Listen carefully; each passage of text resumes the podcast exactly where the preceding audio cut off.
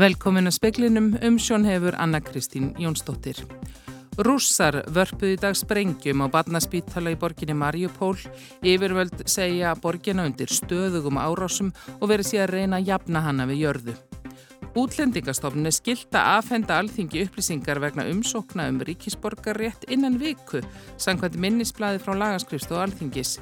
Veiting ríkisborgarréttar með lögum hefur tafist vegna þess að stofnunum hefur ekki skilað þinginu umsóknum eins og hann gerði áður. Helbriðisráð þeirra hvetur fólk til að gæta vel að sóttvörnum í ljósi mikildar útbreyðslu koronavirunar og álags á helbriðiskerfið. Framkvæmdastöru í lækninga hjá helsugjastlu höfuborgarsæðisins til að engum myndi skila að taka á ný upp sóttvarna aðgerðir og takmarkanir. Og félagsmálar að þeirra segja mikilvægt að huga fleiri þáttum en húsnæði við móttöku flótamanna. Loftárásir rússa á borgina Mariupól í söðulhuta Úkræn í dag beindust meðal annars gegn badnaspítala. Yfirvöld segja börn sé þar grafin undir rústum. Forseti Úkrænu segir að þetta kalli enn frekar á að sett verði algjört flugbann yfir Úkrænu.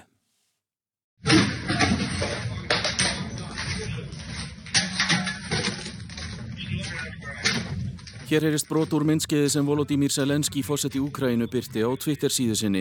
Þar sést maður ganga um spítalan sem er stórskemdur að innan. Skæfréttastofan hefur staðfesta myndskeiðið sé frá barnaspítalanum í Mariupól. Selenski segir í fæslunni að fullornir og börn séu undir rústónum og spyr hversu lengi heimurinn ætli sér að vera meðsegur í að horfa fram hjá hreyðuverkum. Það þurfi að loka lofthelginni nú þegar. Pavlo Kirilenko, hér að stjóri í Donetsk, segir að 17 hafi særst í árasinni á spítalan þar á meðal þungaðar konur. Borgaryfirvöldi Mariupól hafa byrt fæslur í svipaða veru og í einni þeirra er svo langt gengið að segja að verið sé að þurka borgina út. Aðeins tveggja til þryggjadaga byrðir af matiru eftir í borginu og þar hefur verið vass, ramags og gaslaust dögum saman. Boris Johnson, þeirra Breitlands, fordæmdi árásina á Twitter í dag og saði fátt siðspiltara en að ráðast á þá sem ekki gætu varið sig. Saminuðu þjóðurnar sögðu í dag að minst 516 óbreyttir borgarar hefðu fallið í Úkrænu frá upphafi innrásarinnar. Ríflega 900 til viðbótar hefðu sæst. Flestir hinn að föllnu urðu fyrir sprengju á Ross. Hallgrímur Indriðarsson saði frá. Það er skýrt að dómsmálaráð þeirra og útlendingastofnun hafa brotið lög, sögðu þingmenn stjórnarandstöðunar og þingi í dag og vísuðu þar til álits frá lagaskrifst og alþingis um heimildir þingnemda til að kalla eftir gögnum. Vinna við afgreðslu ríkisborgara réttar frá alþingi sem venjulega líkur í desember stendur enni yfir þar sem útlendingastofnun skila ekki umsögnum með sama hættu áður. Á alþingi dag var fjallað um minnisblæða lagaskrifst og alþingis sem sagði að stjórnvöld ættu að senda alþingi umbyggðin gögn innan viku frá því þeirra verið krafist þvert á það sem stopninin og ráðuneytið hafa sagt. Artis Anna Kristínadóttir Gunnarsdóttir, Þingmar Pírata, hóf umræðina. Álitið skýrt Hærstistur að dómsmálar á þeirra, útlendingastofnun í hans umbóði braut lög þegar hún afhendi alþingi ekki gögnin sem að hún var krafinum fyrir 1. februar síðastliðin. Guðbrandur Einarsson, þingmar viðreysnar, lístu undur hún á vinnubröðunum þegar starfsfólk fær ekki eftir reglum sem kjörnir fulltrú að setja. Og í mínum huga, vinnuleg fórsti, held ég að ég myndi kalla það bara valdarán. Ég held nú að reyndar að stopnunin e, nýra á þeirra hafi aldrei allir að reyna að komast undan þeirri skildu. Þetta snerist um tíman. Saði Bryndis Haraldsdóttir, sjálfstæðsflokki og formar allserjanendar, Bryndis og Jóti Skúladóttir, þingma vinstri græna, sögðu mikilvægt að endur skoða hvernig þetta haga veitingu ríkisborgararéttar til framtíðar. Við gætum verið löngu búin að klára þetta, farin að snúa okkur að því að, að leiðrétta ferlið og byggja framtíðarskipulag ef að við hefðum til þess gögnin. Og þarna heyrið síðast í Jódísi skúladóttur, Brynjálfur Þór Guðmundsson tók saman. Það er ekki skinsamlegt að taka upp sóttvarna aðgerðir á ný, segir framkvæmdastöru lekninga hjá heilsugjæslu höfuborgarsæðisins. Það er skil ekki árangri þegar smitt séu jafn útbreytt og nú. Helbriðisráðuniti sendi frá sér tilkynningu síðdægis og hvetur þar fólk til að gæta vel að einstaklingsbundnum síkingavörnum í ljósi margara smitta og álags á helbriðiskerfið. Sigriður Dóra Magnúsdóttir hjá heilsugjæslunni segir að þeir sem eru með COVID eigi að vera í sjálfskipaðri einangrun þó að þeir finn ekki fyrir einkennum. Ég held að það veri hverjum að meta með sér að sinna einangrun. Ef hann er greindu smittar þá þarf hann að eh, haga sér í samkvæmt tí og í rauninni vera í sjálfskeipaðir einangrun þó hann fá ekki SMS-um að sé einangrun. Þá þurfum við öll að gæta því hvernig við hugum okkar til að minka líkur á smiti. En ef fólk er alveg einkennalust en það er samt nýlega komið greiningu? Það getur verið smitandi enga síður þannig að það eru alveg skýr tilmælum að fólk fari mjög varlega. Heldur það myndi sko draga úr smitum eða væri teknar upp einhverjar svona takmarkan og sóttáðan aðgerið aftur? Ég er ekki viss um það því það er gáð ekki svo góða raun þegar það voru mikla takmarkanir í gildi því að það er svo mikið smit í gangi og veiran er svo mikið smitandi að ég heldur verðum bara að gæta okkar sjálf og fara varlega og sinna þeim sóttáðan tilmælum sem er í gangi.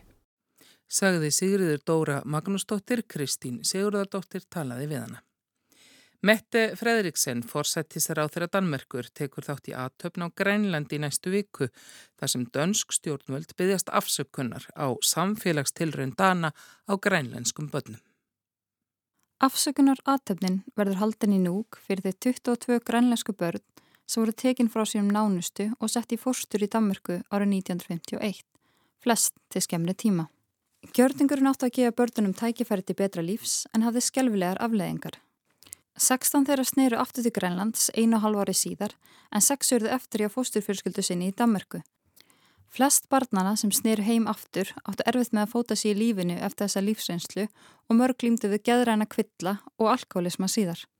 Fredriksson og dönsk stjórnvöld báðast afsökunar á atbyrðunum árið 2020 en þetta verður í fyrsta sinn sem hún byrst formulega afsökunar í heimalandi barnana sem er orðin fullorðin í dag.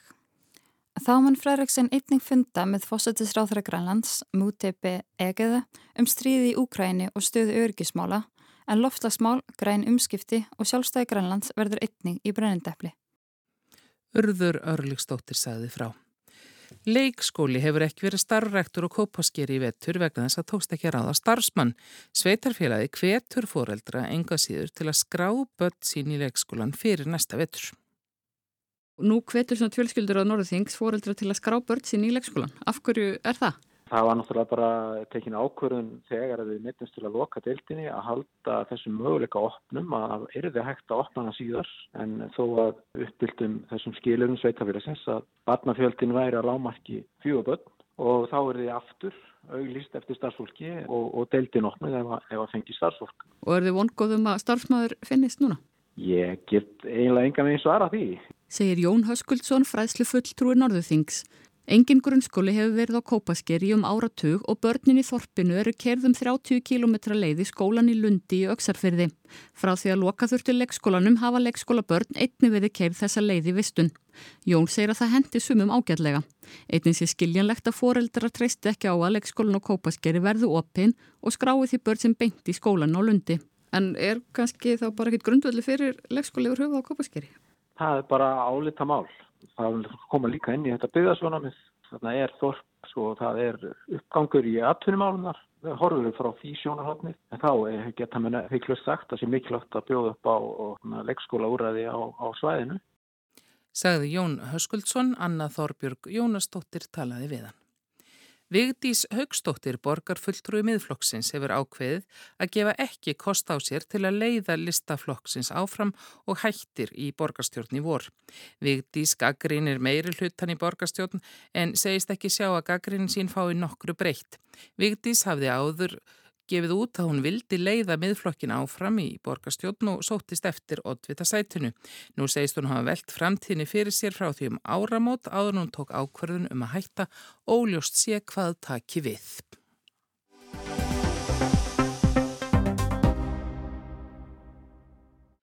Móttaka flóttafólks frá Úkrænu verður með stærri slíkum verkefnum sem Ísland hefur tekið þátt í. Í speklinum verður rætt um hvaða áallenir eru um móttöku fólksins og hvernig Reykjavíkuborg er í stakk búin til að veita fólki skjól og þjónustu. Í síðar hluta þáttarins verður sjónum beinta svo kallum Sikurpappa vefsíðum sem verða sífelt meira áberandi í Svíþjóð. Gaggrínundur segja þetta vændi í nýjum umbúðum en fyrst að málefnum Úkrænu. Ströymur flottamanna frá Úkrænu hinga til lands ekst hratt. Frá því innrás rúsa hófst í Úkrænu hafa 104 flottamenn þaðan komið til landsins. Í þeim hópi eru 50 konur og 30 börn. Móttökukerfi flótamanna á landamærunum var fært af óvissu stíi á hættustigi í gær. Og þetta fólk þarf húsnæði, þjónustu og stuðning eftir að hafa þurft að flýja heimili sitt í skyndi og oft á tíðum sitja fjölskyldu feðurnir eftir og grípa til vopna. Stjórnvöld hafa sett saman aðgerðahóp til að halda utanum móttöku flótafólks þar sem fulltrúar ráðuneita og sveitafélaga auk annara eiga sinn fulltrúa. Gilvi Þór Þorstensson er í forsvari fyrir hópin. Valger Örn Ragnarsson fréttamaður rætti við Guðmund Inga Guðbrandsson, félagsmála og þeirra fyrir í dag. Stóra verkefni núna er að reyna að búa til eitt stað þar sem að fólk geti sótt alla þá þjónustu sem að og upplýsingar sem það þarf á að halda þegar það kemur hinga. Og það er eitthvað sem við erum að undirbúa. Hitt stóra verkefnið er auðvitað að útvega húsnæði og þar höfum við verið að fá uh, frá bæði félagsamtökum og sveitafélagum skilaboð. Þetta erum við að halda utanum en til að byrja með fer fólk yfirleitt uh, inn á hótel og svo fær það smátt og smátt á útluta stað til þess að, að geta verið á. Uh, þriðja atrið sem ég langar að nefna sem að verður líka mjög stórt að fólkið sem er að koma frá Úkrænu Eh, eru þetta að koma frá stríðshrjáðu landi þar sem að fjölskyldufæðurinn hefur oft verið skilin eftir vegna þess að hann má ekki fara úr, úr landi í fjölskyldu gerðum sem eru þannig og síðan eh, kallar það þá náttúrulega á eh, umfangsmikla andlega aðstóð við þetta fólk. Það þýðir líka við erum að sapna saman fólki sem getur tólkað og uh, sveitafélagin eru þegar farin að undirbúa komu fólks, uh, kanna hvað er að húsnæði hjá þeim, aðtóa með skólana og allt þetta sem að þarf að, að huga þegar að, að fólk flytur til annars lands og í þessu tilfelli móttaka á þessu góða fólki. Fórsættisáþur hefur talað um 1000 til 1500 manns en Er, er ekki raunar talsverð óvisa um hversu margt fólk kemur yngað? Það er mjög mikil óvisa um hversu margt fólk kemur yngað. Eh, við erum að sjá sennilega núna stæstu eh, sko, flottamannabilgju sem við hefum séð í Evrópu í mjög, mjög langan tíma og það er óbúslega erfitt að segja til um einhverja tölu. Það eru eitthvað rúmlega hundra sem að hafa formlega sótum hjá útlendingarstofnun sem er að vinna í því að einfalda ferla og gera þetta með þeim hætti þetta geti gengið eins rætt fyrir sig og hægt er. Þannig að það er við erum öll að, að leggjast á eitt að reyna að gera þetta þannig að, að e, þetta taki sem minnst á fólki sjálft og það finni að það er velkomið inn í Íslandst samfélag. En þetta hljómar eins og mjög stórt og umfangsmikið verkefni að undirbúa komu alls þessa fólks?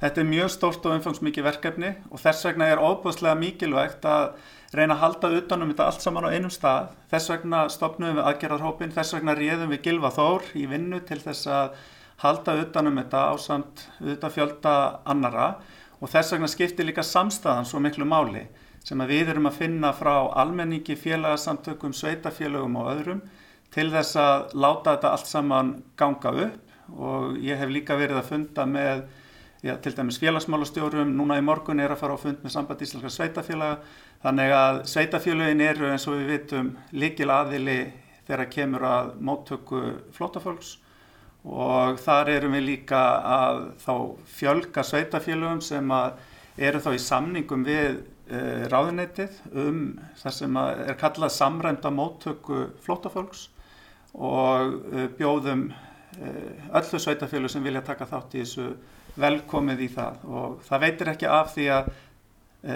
þetta verður margt fólk. Hafa mörg sveitafjölu bóðið sig fram í, í þetta? Já, talsveit mörg sem að hafa þegar haft samband og við erum núna formlega að skrifa þeim bref sem að fer út í dag til þess að kalla eftir því hver þeirra sjáu sér fært að taka þátt í þessari móttöku og í framhaldunum verður þá farið formlega í það að, að ræða við þau uh, og uh, setja þetta niður með þeim hætti að, að sem flest geti tekið þátt og öll sem að, að þess kjósa. Eh, það er alltaf spurningum fjármagn líka, er búið að erðnamerkja eitthvað fjármagn í þetta verkefni?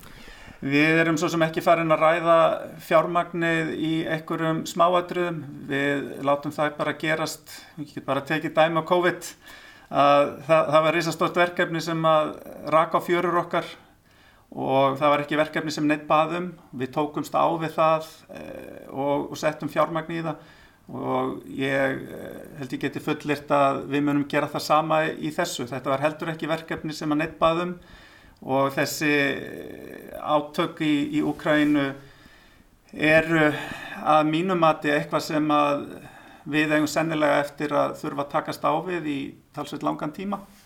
Þannig að við undirbúum það bæði út frá fjárhastlegu hliðinni, út frá þessum praktísku málum sem að snúa að, að móttökunni og út frá henni andlegu hlið sem við mögum alls ekki gleyma. Nú eru þrjú sveitarfjölög sem taka þátt í móttöku flótafólks. Speilin rætti við Rekinu Ásvaldsdóttur, sviðstjóra velferðarsviðs Reykjavíkuborgar, um það hvernig borgin er í stakk búin til að taka á móti fólki. Já, við náttúrulega í fyrsta lagi þá vitum við ekki hvað margir er að koma og það bara mun koma í ljós held ég á næstu dögum og vikum og, og höfum ekki raun og veru fengið þessa formlegu beðni sem við vitum að mun koma frá félags- og vinnumarkasráðanetinu en bara svo við setjum hlutina í samhengi þá erum við með tvo samninga í gildi núna. Annars vegar erum við með samning um samræmda mótöku flotta fólks og sá samningur uh, er uh, um 500 manns. Það er 500 manns sem við sömdum um við ráðanetti, félagsmálarrándið að, að sagt, sinna því verkefni og af þeim eru 360 manns í þjónustu akkurat núna. Og síðan hefur við verið með annan samning sem er við útlendingastofnun og hann eh, tekur til 300 manns, eh, við erum með 220 manns í þjónustu akkurat núna þannig að við erum að tala um að í dag erum við að þjónusta um 580 manns og það gengur bísna vel. Eh, við eh, höfum samt lagt á það áherslu að í svona framtíðarsamningum og ég veit að það er samninga nefnda störfu núna og við hefum fulltrói í henni að þar uh, þarf að gera betur hvað varða börnin. Það þarf að taka tillit til þess að börnin þurfa að fara í skóla og þurfa að fá sérstuðning Þannig ég myndi segja það að við séum vel í stakk búin varandi fullorðna fólkið með, með góða og, og, og hérna, vel reyndar áðgjafa þar en að við þurfum eh, að styrkja þjónustuna við börn. Svo er það auðvitað húsnæðismálinn og við eh, höfum sagt, skuldbundið okkur til að hérna, finna húsnæði fyrir fólk. Það er fólk sem við erum að þjónusta núna Þarna vil ég, ég held að sé mikilvægt að við allan að byrjum á því að, að eh, það eru einhver hótelauð eh, sem að, að hérna, eru kannski ekki farin af stað aftur og, og hérna, þannig að það sé svona byrja rólega og síðan munum við vinna þetta skref fyrir skref, bæði Reykjavík og, og vonandi önnu sveitafélög. Þannig að við erum bara með þrjú sveitafélög í dag sem hafa Eh, er með samningu samlandamótöku, það er Reykjavík, Reykjanesbær og Hafnafjörður og við hefum svona lagt á það áherslu að hvart eh, okkar kollega eh, til þess að, að, að, önnu sveitafjölu komi líka að borðinu. En hvernig eru þau í stakkbúin til þess að taka þetta verkefni að sér? Ég held að við, sko, húsnæðisvandi er ekkit sér vandamál í Reykjavík. Það er bara víðaðan um land og, og, og hérna Þannig að við þurfum auðvitað að vera mjög lausna með þar og, og bara byðla til almennings. Og bara að gaman að segja frá því að ég þegar fengið, hérna, það er nokkri búin að hafa samband hinga og er að bjóða fram húsnæði. En ég menna það er reynsla víða, aðgræns tók til dæmis að móti mjög myndarlega móti 29 einstaklingum á börnum árið 2008, eh, það er reynsla í, á Ísafyrði, það er reynsla í Árborg, það er reynsla á Akureyri e, Mósusbæði þannig að ég held að, að þessi sveitafélög séu bara vel í stakk búin til þess að taka móti flotta fólki og, og við bæði hafnafjörður og við höfum bóðið fram e, ráðgjöf e, þannig, að, þannig að það er hægt að miðla auðvitað þeirri reynslu sem við höfum haft núna síðustu árin til þeirra. En er þetta einn af þeim möguleikum sem þið eru að skoða, að leia hótel til þess að taka móti þessu fólki fyrstum sinn? Það væri þá alltaf verkefni sem ríki myndi eh, hérna, þau eru með aðgerarhópun að ráða sérstaklega verkefnistjóra sem hefur mikla reynslaði að reka farsótahótelin ég er að segja svona fyrsta skrefi hlýtur að vera þegar fólki kemur til landsins er að taka mótið í og, og gera síðan þessa samninga við sveitafjöluinn og þá sjáum við hvað, eh, hvað við eh, tökum sagt, mikinn fjölda og bara hvað, hvað þetta verður. Það er náttúrulega veit enginn, það veit enginn hvað þetta stríð verður lengi það veit engin umfangið, við erum auðvitað bara að vinna með ymsa sviðsmyndir. Þetta verður flókið en að sjálfsögðu er þetta eitthvað verkefni sem okkur ber samfélagslega skilda til þess að takast á við og við myndum leggja allt í liðar til þess að gera það vel. En fólki þarf meira en bara þakka yfir höfuðið, það er alltaf að koma úr hræðilegum aðstæðum. Getið þið veit þessu fólki þjónustu, skólaþjónustu, félagslega aðstóð, helbriðstjónustu og þessu þar? Það fer auðvitað eftir þeim samningum sem að ríkið mun gera við sveitafélagin og það er auðvitað fórsendan og eins og ég kannski hefur komið inn á áður að þá vantar upp á að við fáum nægilegt fjármagn með þess að geta veitt börnunum eins góða þjónustu og hægt er inn í skólakerfinu vegna að þau þurfa aðstóð, þau eru að koma úr eh, átökum og, og, og, og bara mjög erfiðri lífsreynslu. En eh, við höfum líka lagt á það áherslu, eh, við telum við erum náttúrulega með félagsákja og sálfrænga og aðra á okkar snærum sem hafa synt þessu flottamannaverkefni sem við höfum verið með núna fyrir, fyrir hönd, með samningum við ríkið. En það er mjög mikilvægt að komi allir með heilsugæslan e, sé vel undibúin og, og hérna vinnumálastofnun sé vel, vel undibúin og vinnumálastofnun hefur reynda verið að þróa verklag og verið með verkefni sem að snýra því að útvega flotta fólki e, vinnu. Það þurfa þetta allar stopnarnir samfélagsins að ekki bara sveitafélagin að taka þátt í þessu til þess að vel sé. Þetta er á talsett starri skala heldur en hefur verið hinga til í mótöku flottafólks. Það talað um já, allt frá 1500 og jafnvel upp í hefur verið nefnt 5000 manns sem að koma hérna á næstu vikum.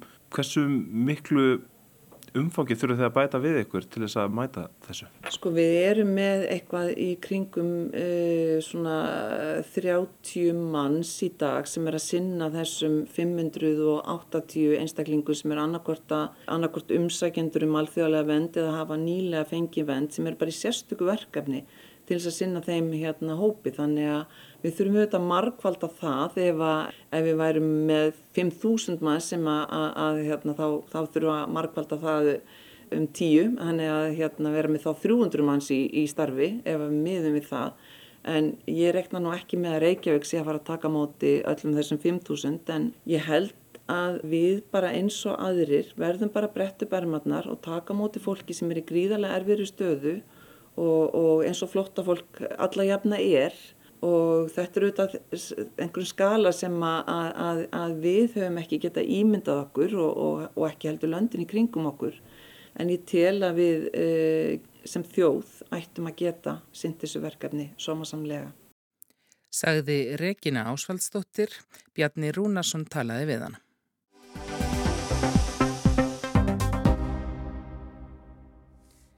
Félagsstjónusta, lögregla og starfsmenn skóla í Svíþjóð vara við svokalluðum Sigurpappa vefsíðum sem fjöldi ungmenna hefur skráð sig á undanfærin ár.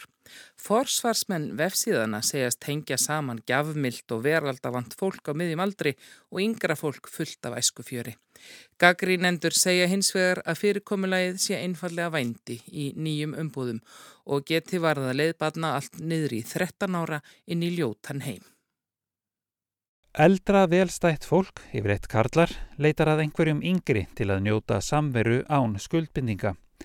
Fara út að borða á fínum veitingastöðum og gefa dýrar gjafir. Þannig er þetta að minnstakosti kynnt, svona nokkur negin, á vefsíðum sem kenna sig við sugar dating, sigur pappa. Ein af þessum síðum reyðist í stóra auglýsingaherferð haustið 2017.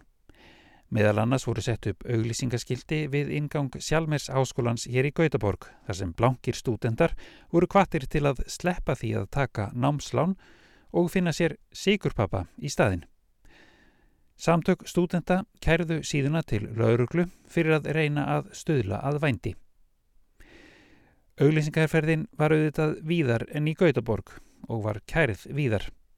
Í Belgiu var eigandi síðunar til að mynda dæmdur í sex mánada skilurspundið fangelsi og 20 miljóna sekt fyrir að hvetja til vændis og brjóta gegn lögum um kynjamismunum. En þau eru líka til sem eru jákvæðri gagvart sigurpappa fyrirkomulæginu. Að minnstakosti að marka má rannsókn sálfræðinga við Árásarháskóla sem byrt var í fyrra. Rannsóknin náðu til rúmlega 1700 dana á aldrinum 18 til 30 ára. Helmingur sagði að það gæti verið í lægi, fyrir aðra en þau sjálfur reyndar, að fara á stefnumót og stunda kynlíf með einhverjum sem borgar fyrir eða gefur dýrar gjafir. 7% sögðu að þau hefðu sjálf íhuga það að eiga í nánu sambandi eða stunda kynlíf með einhverjum í skiptum fyrir gjafir. Þetta fyrirkomulag er samt bara glansmynd af því sem er í raun vændi, segir Saga Brodersen sem sjálf væri vændi og setur nú í stjórn sænskra samtaka sem heita Inde dín húra, ekki þín hóra. Félagar í samtökunum hafi hitt fjölda ungs folks som hafi skráð sig á Sigurpappasíður. När det gäller minderåriga, då kan vi absolut se att man inte förstår vilken situation man hamnar i i och med att man ofta groomas in i sugardatingvärlden. Sérstaklega þegar þetta eru börn undir aldri þá er greinilegt að þau fatt ekki í hvaða stöðu þau lenda, segir Saga Brútersen. Það sé verið að grúma börnin, það sem á íslensku hefur verið kallað tæling, að brjóta niður varnir og sjálfsfyrðingu fólks smám saman áður en byrja þeir að beita það grófara kynferðisofbeldi. Laurugla og sérfræðingar hér í Svíþjóð taka í sama streng. Öll mál sem lauruglan hefur ansakað í tengslum við þessar síður snúast um vændi og ekkert annað, segir Simon Hegström, yfirmaður hjá sænsku lauruglunni. När vi väl gör riktade insatser, då hittar vi ju eh, hela tiden nya ungdomar som har dragits in i detta. Hegström segir málinn þó sjálfnast koma upp á yfirborðið nema það sé gagngert ráðist í að rannsaka þau. En þegar byrjaðir að grafa finnur lauruglan aftur og aftur ungmenni sem hafa dreyjist inn í vændi og mannsal eða er á leiðþangað, segir Símon Hegström.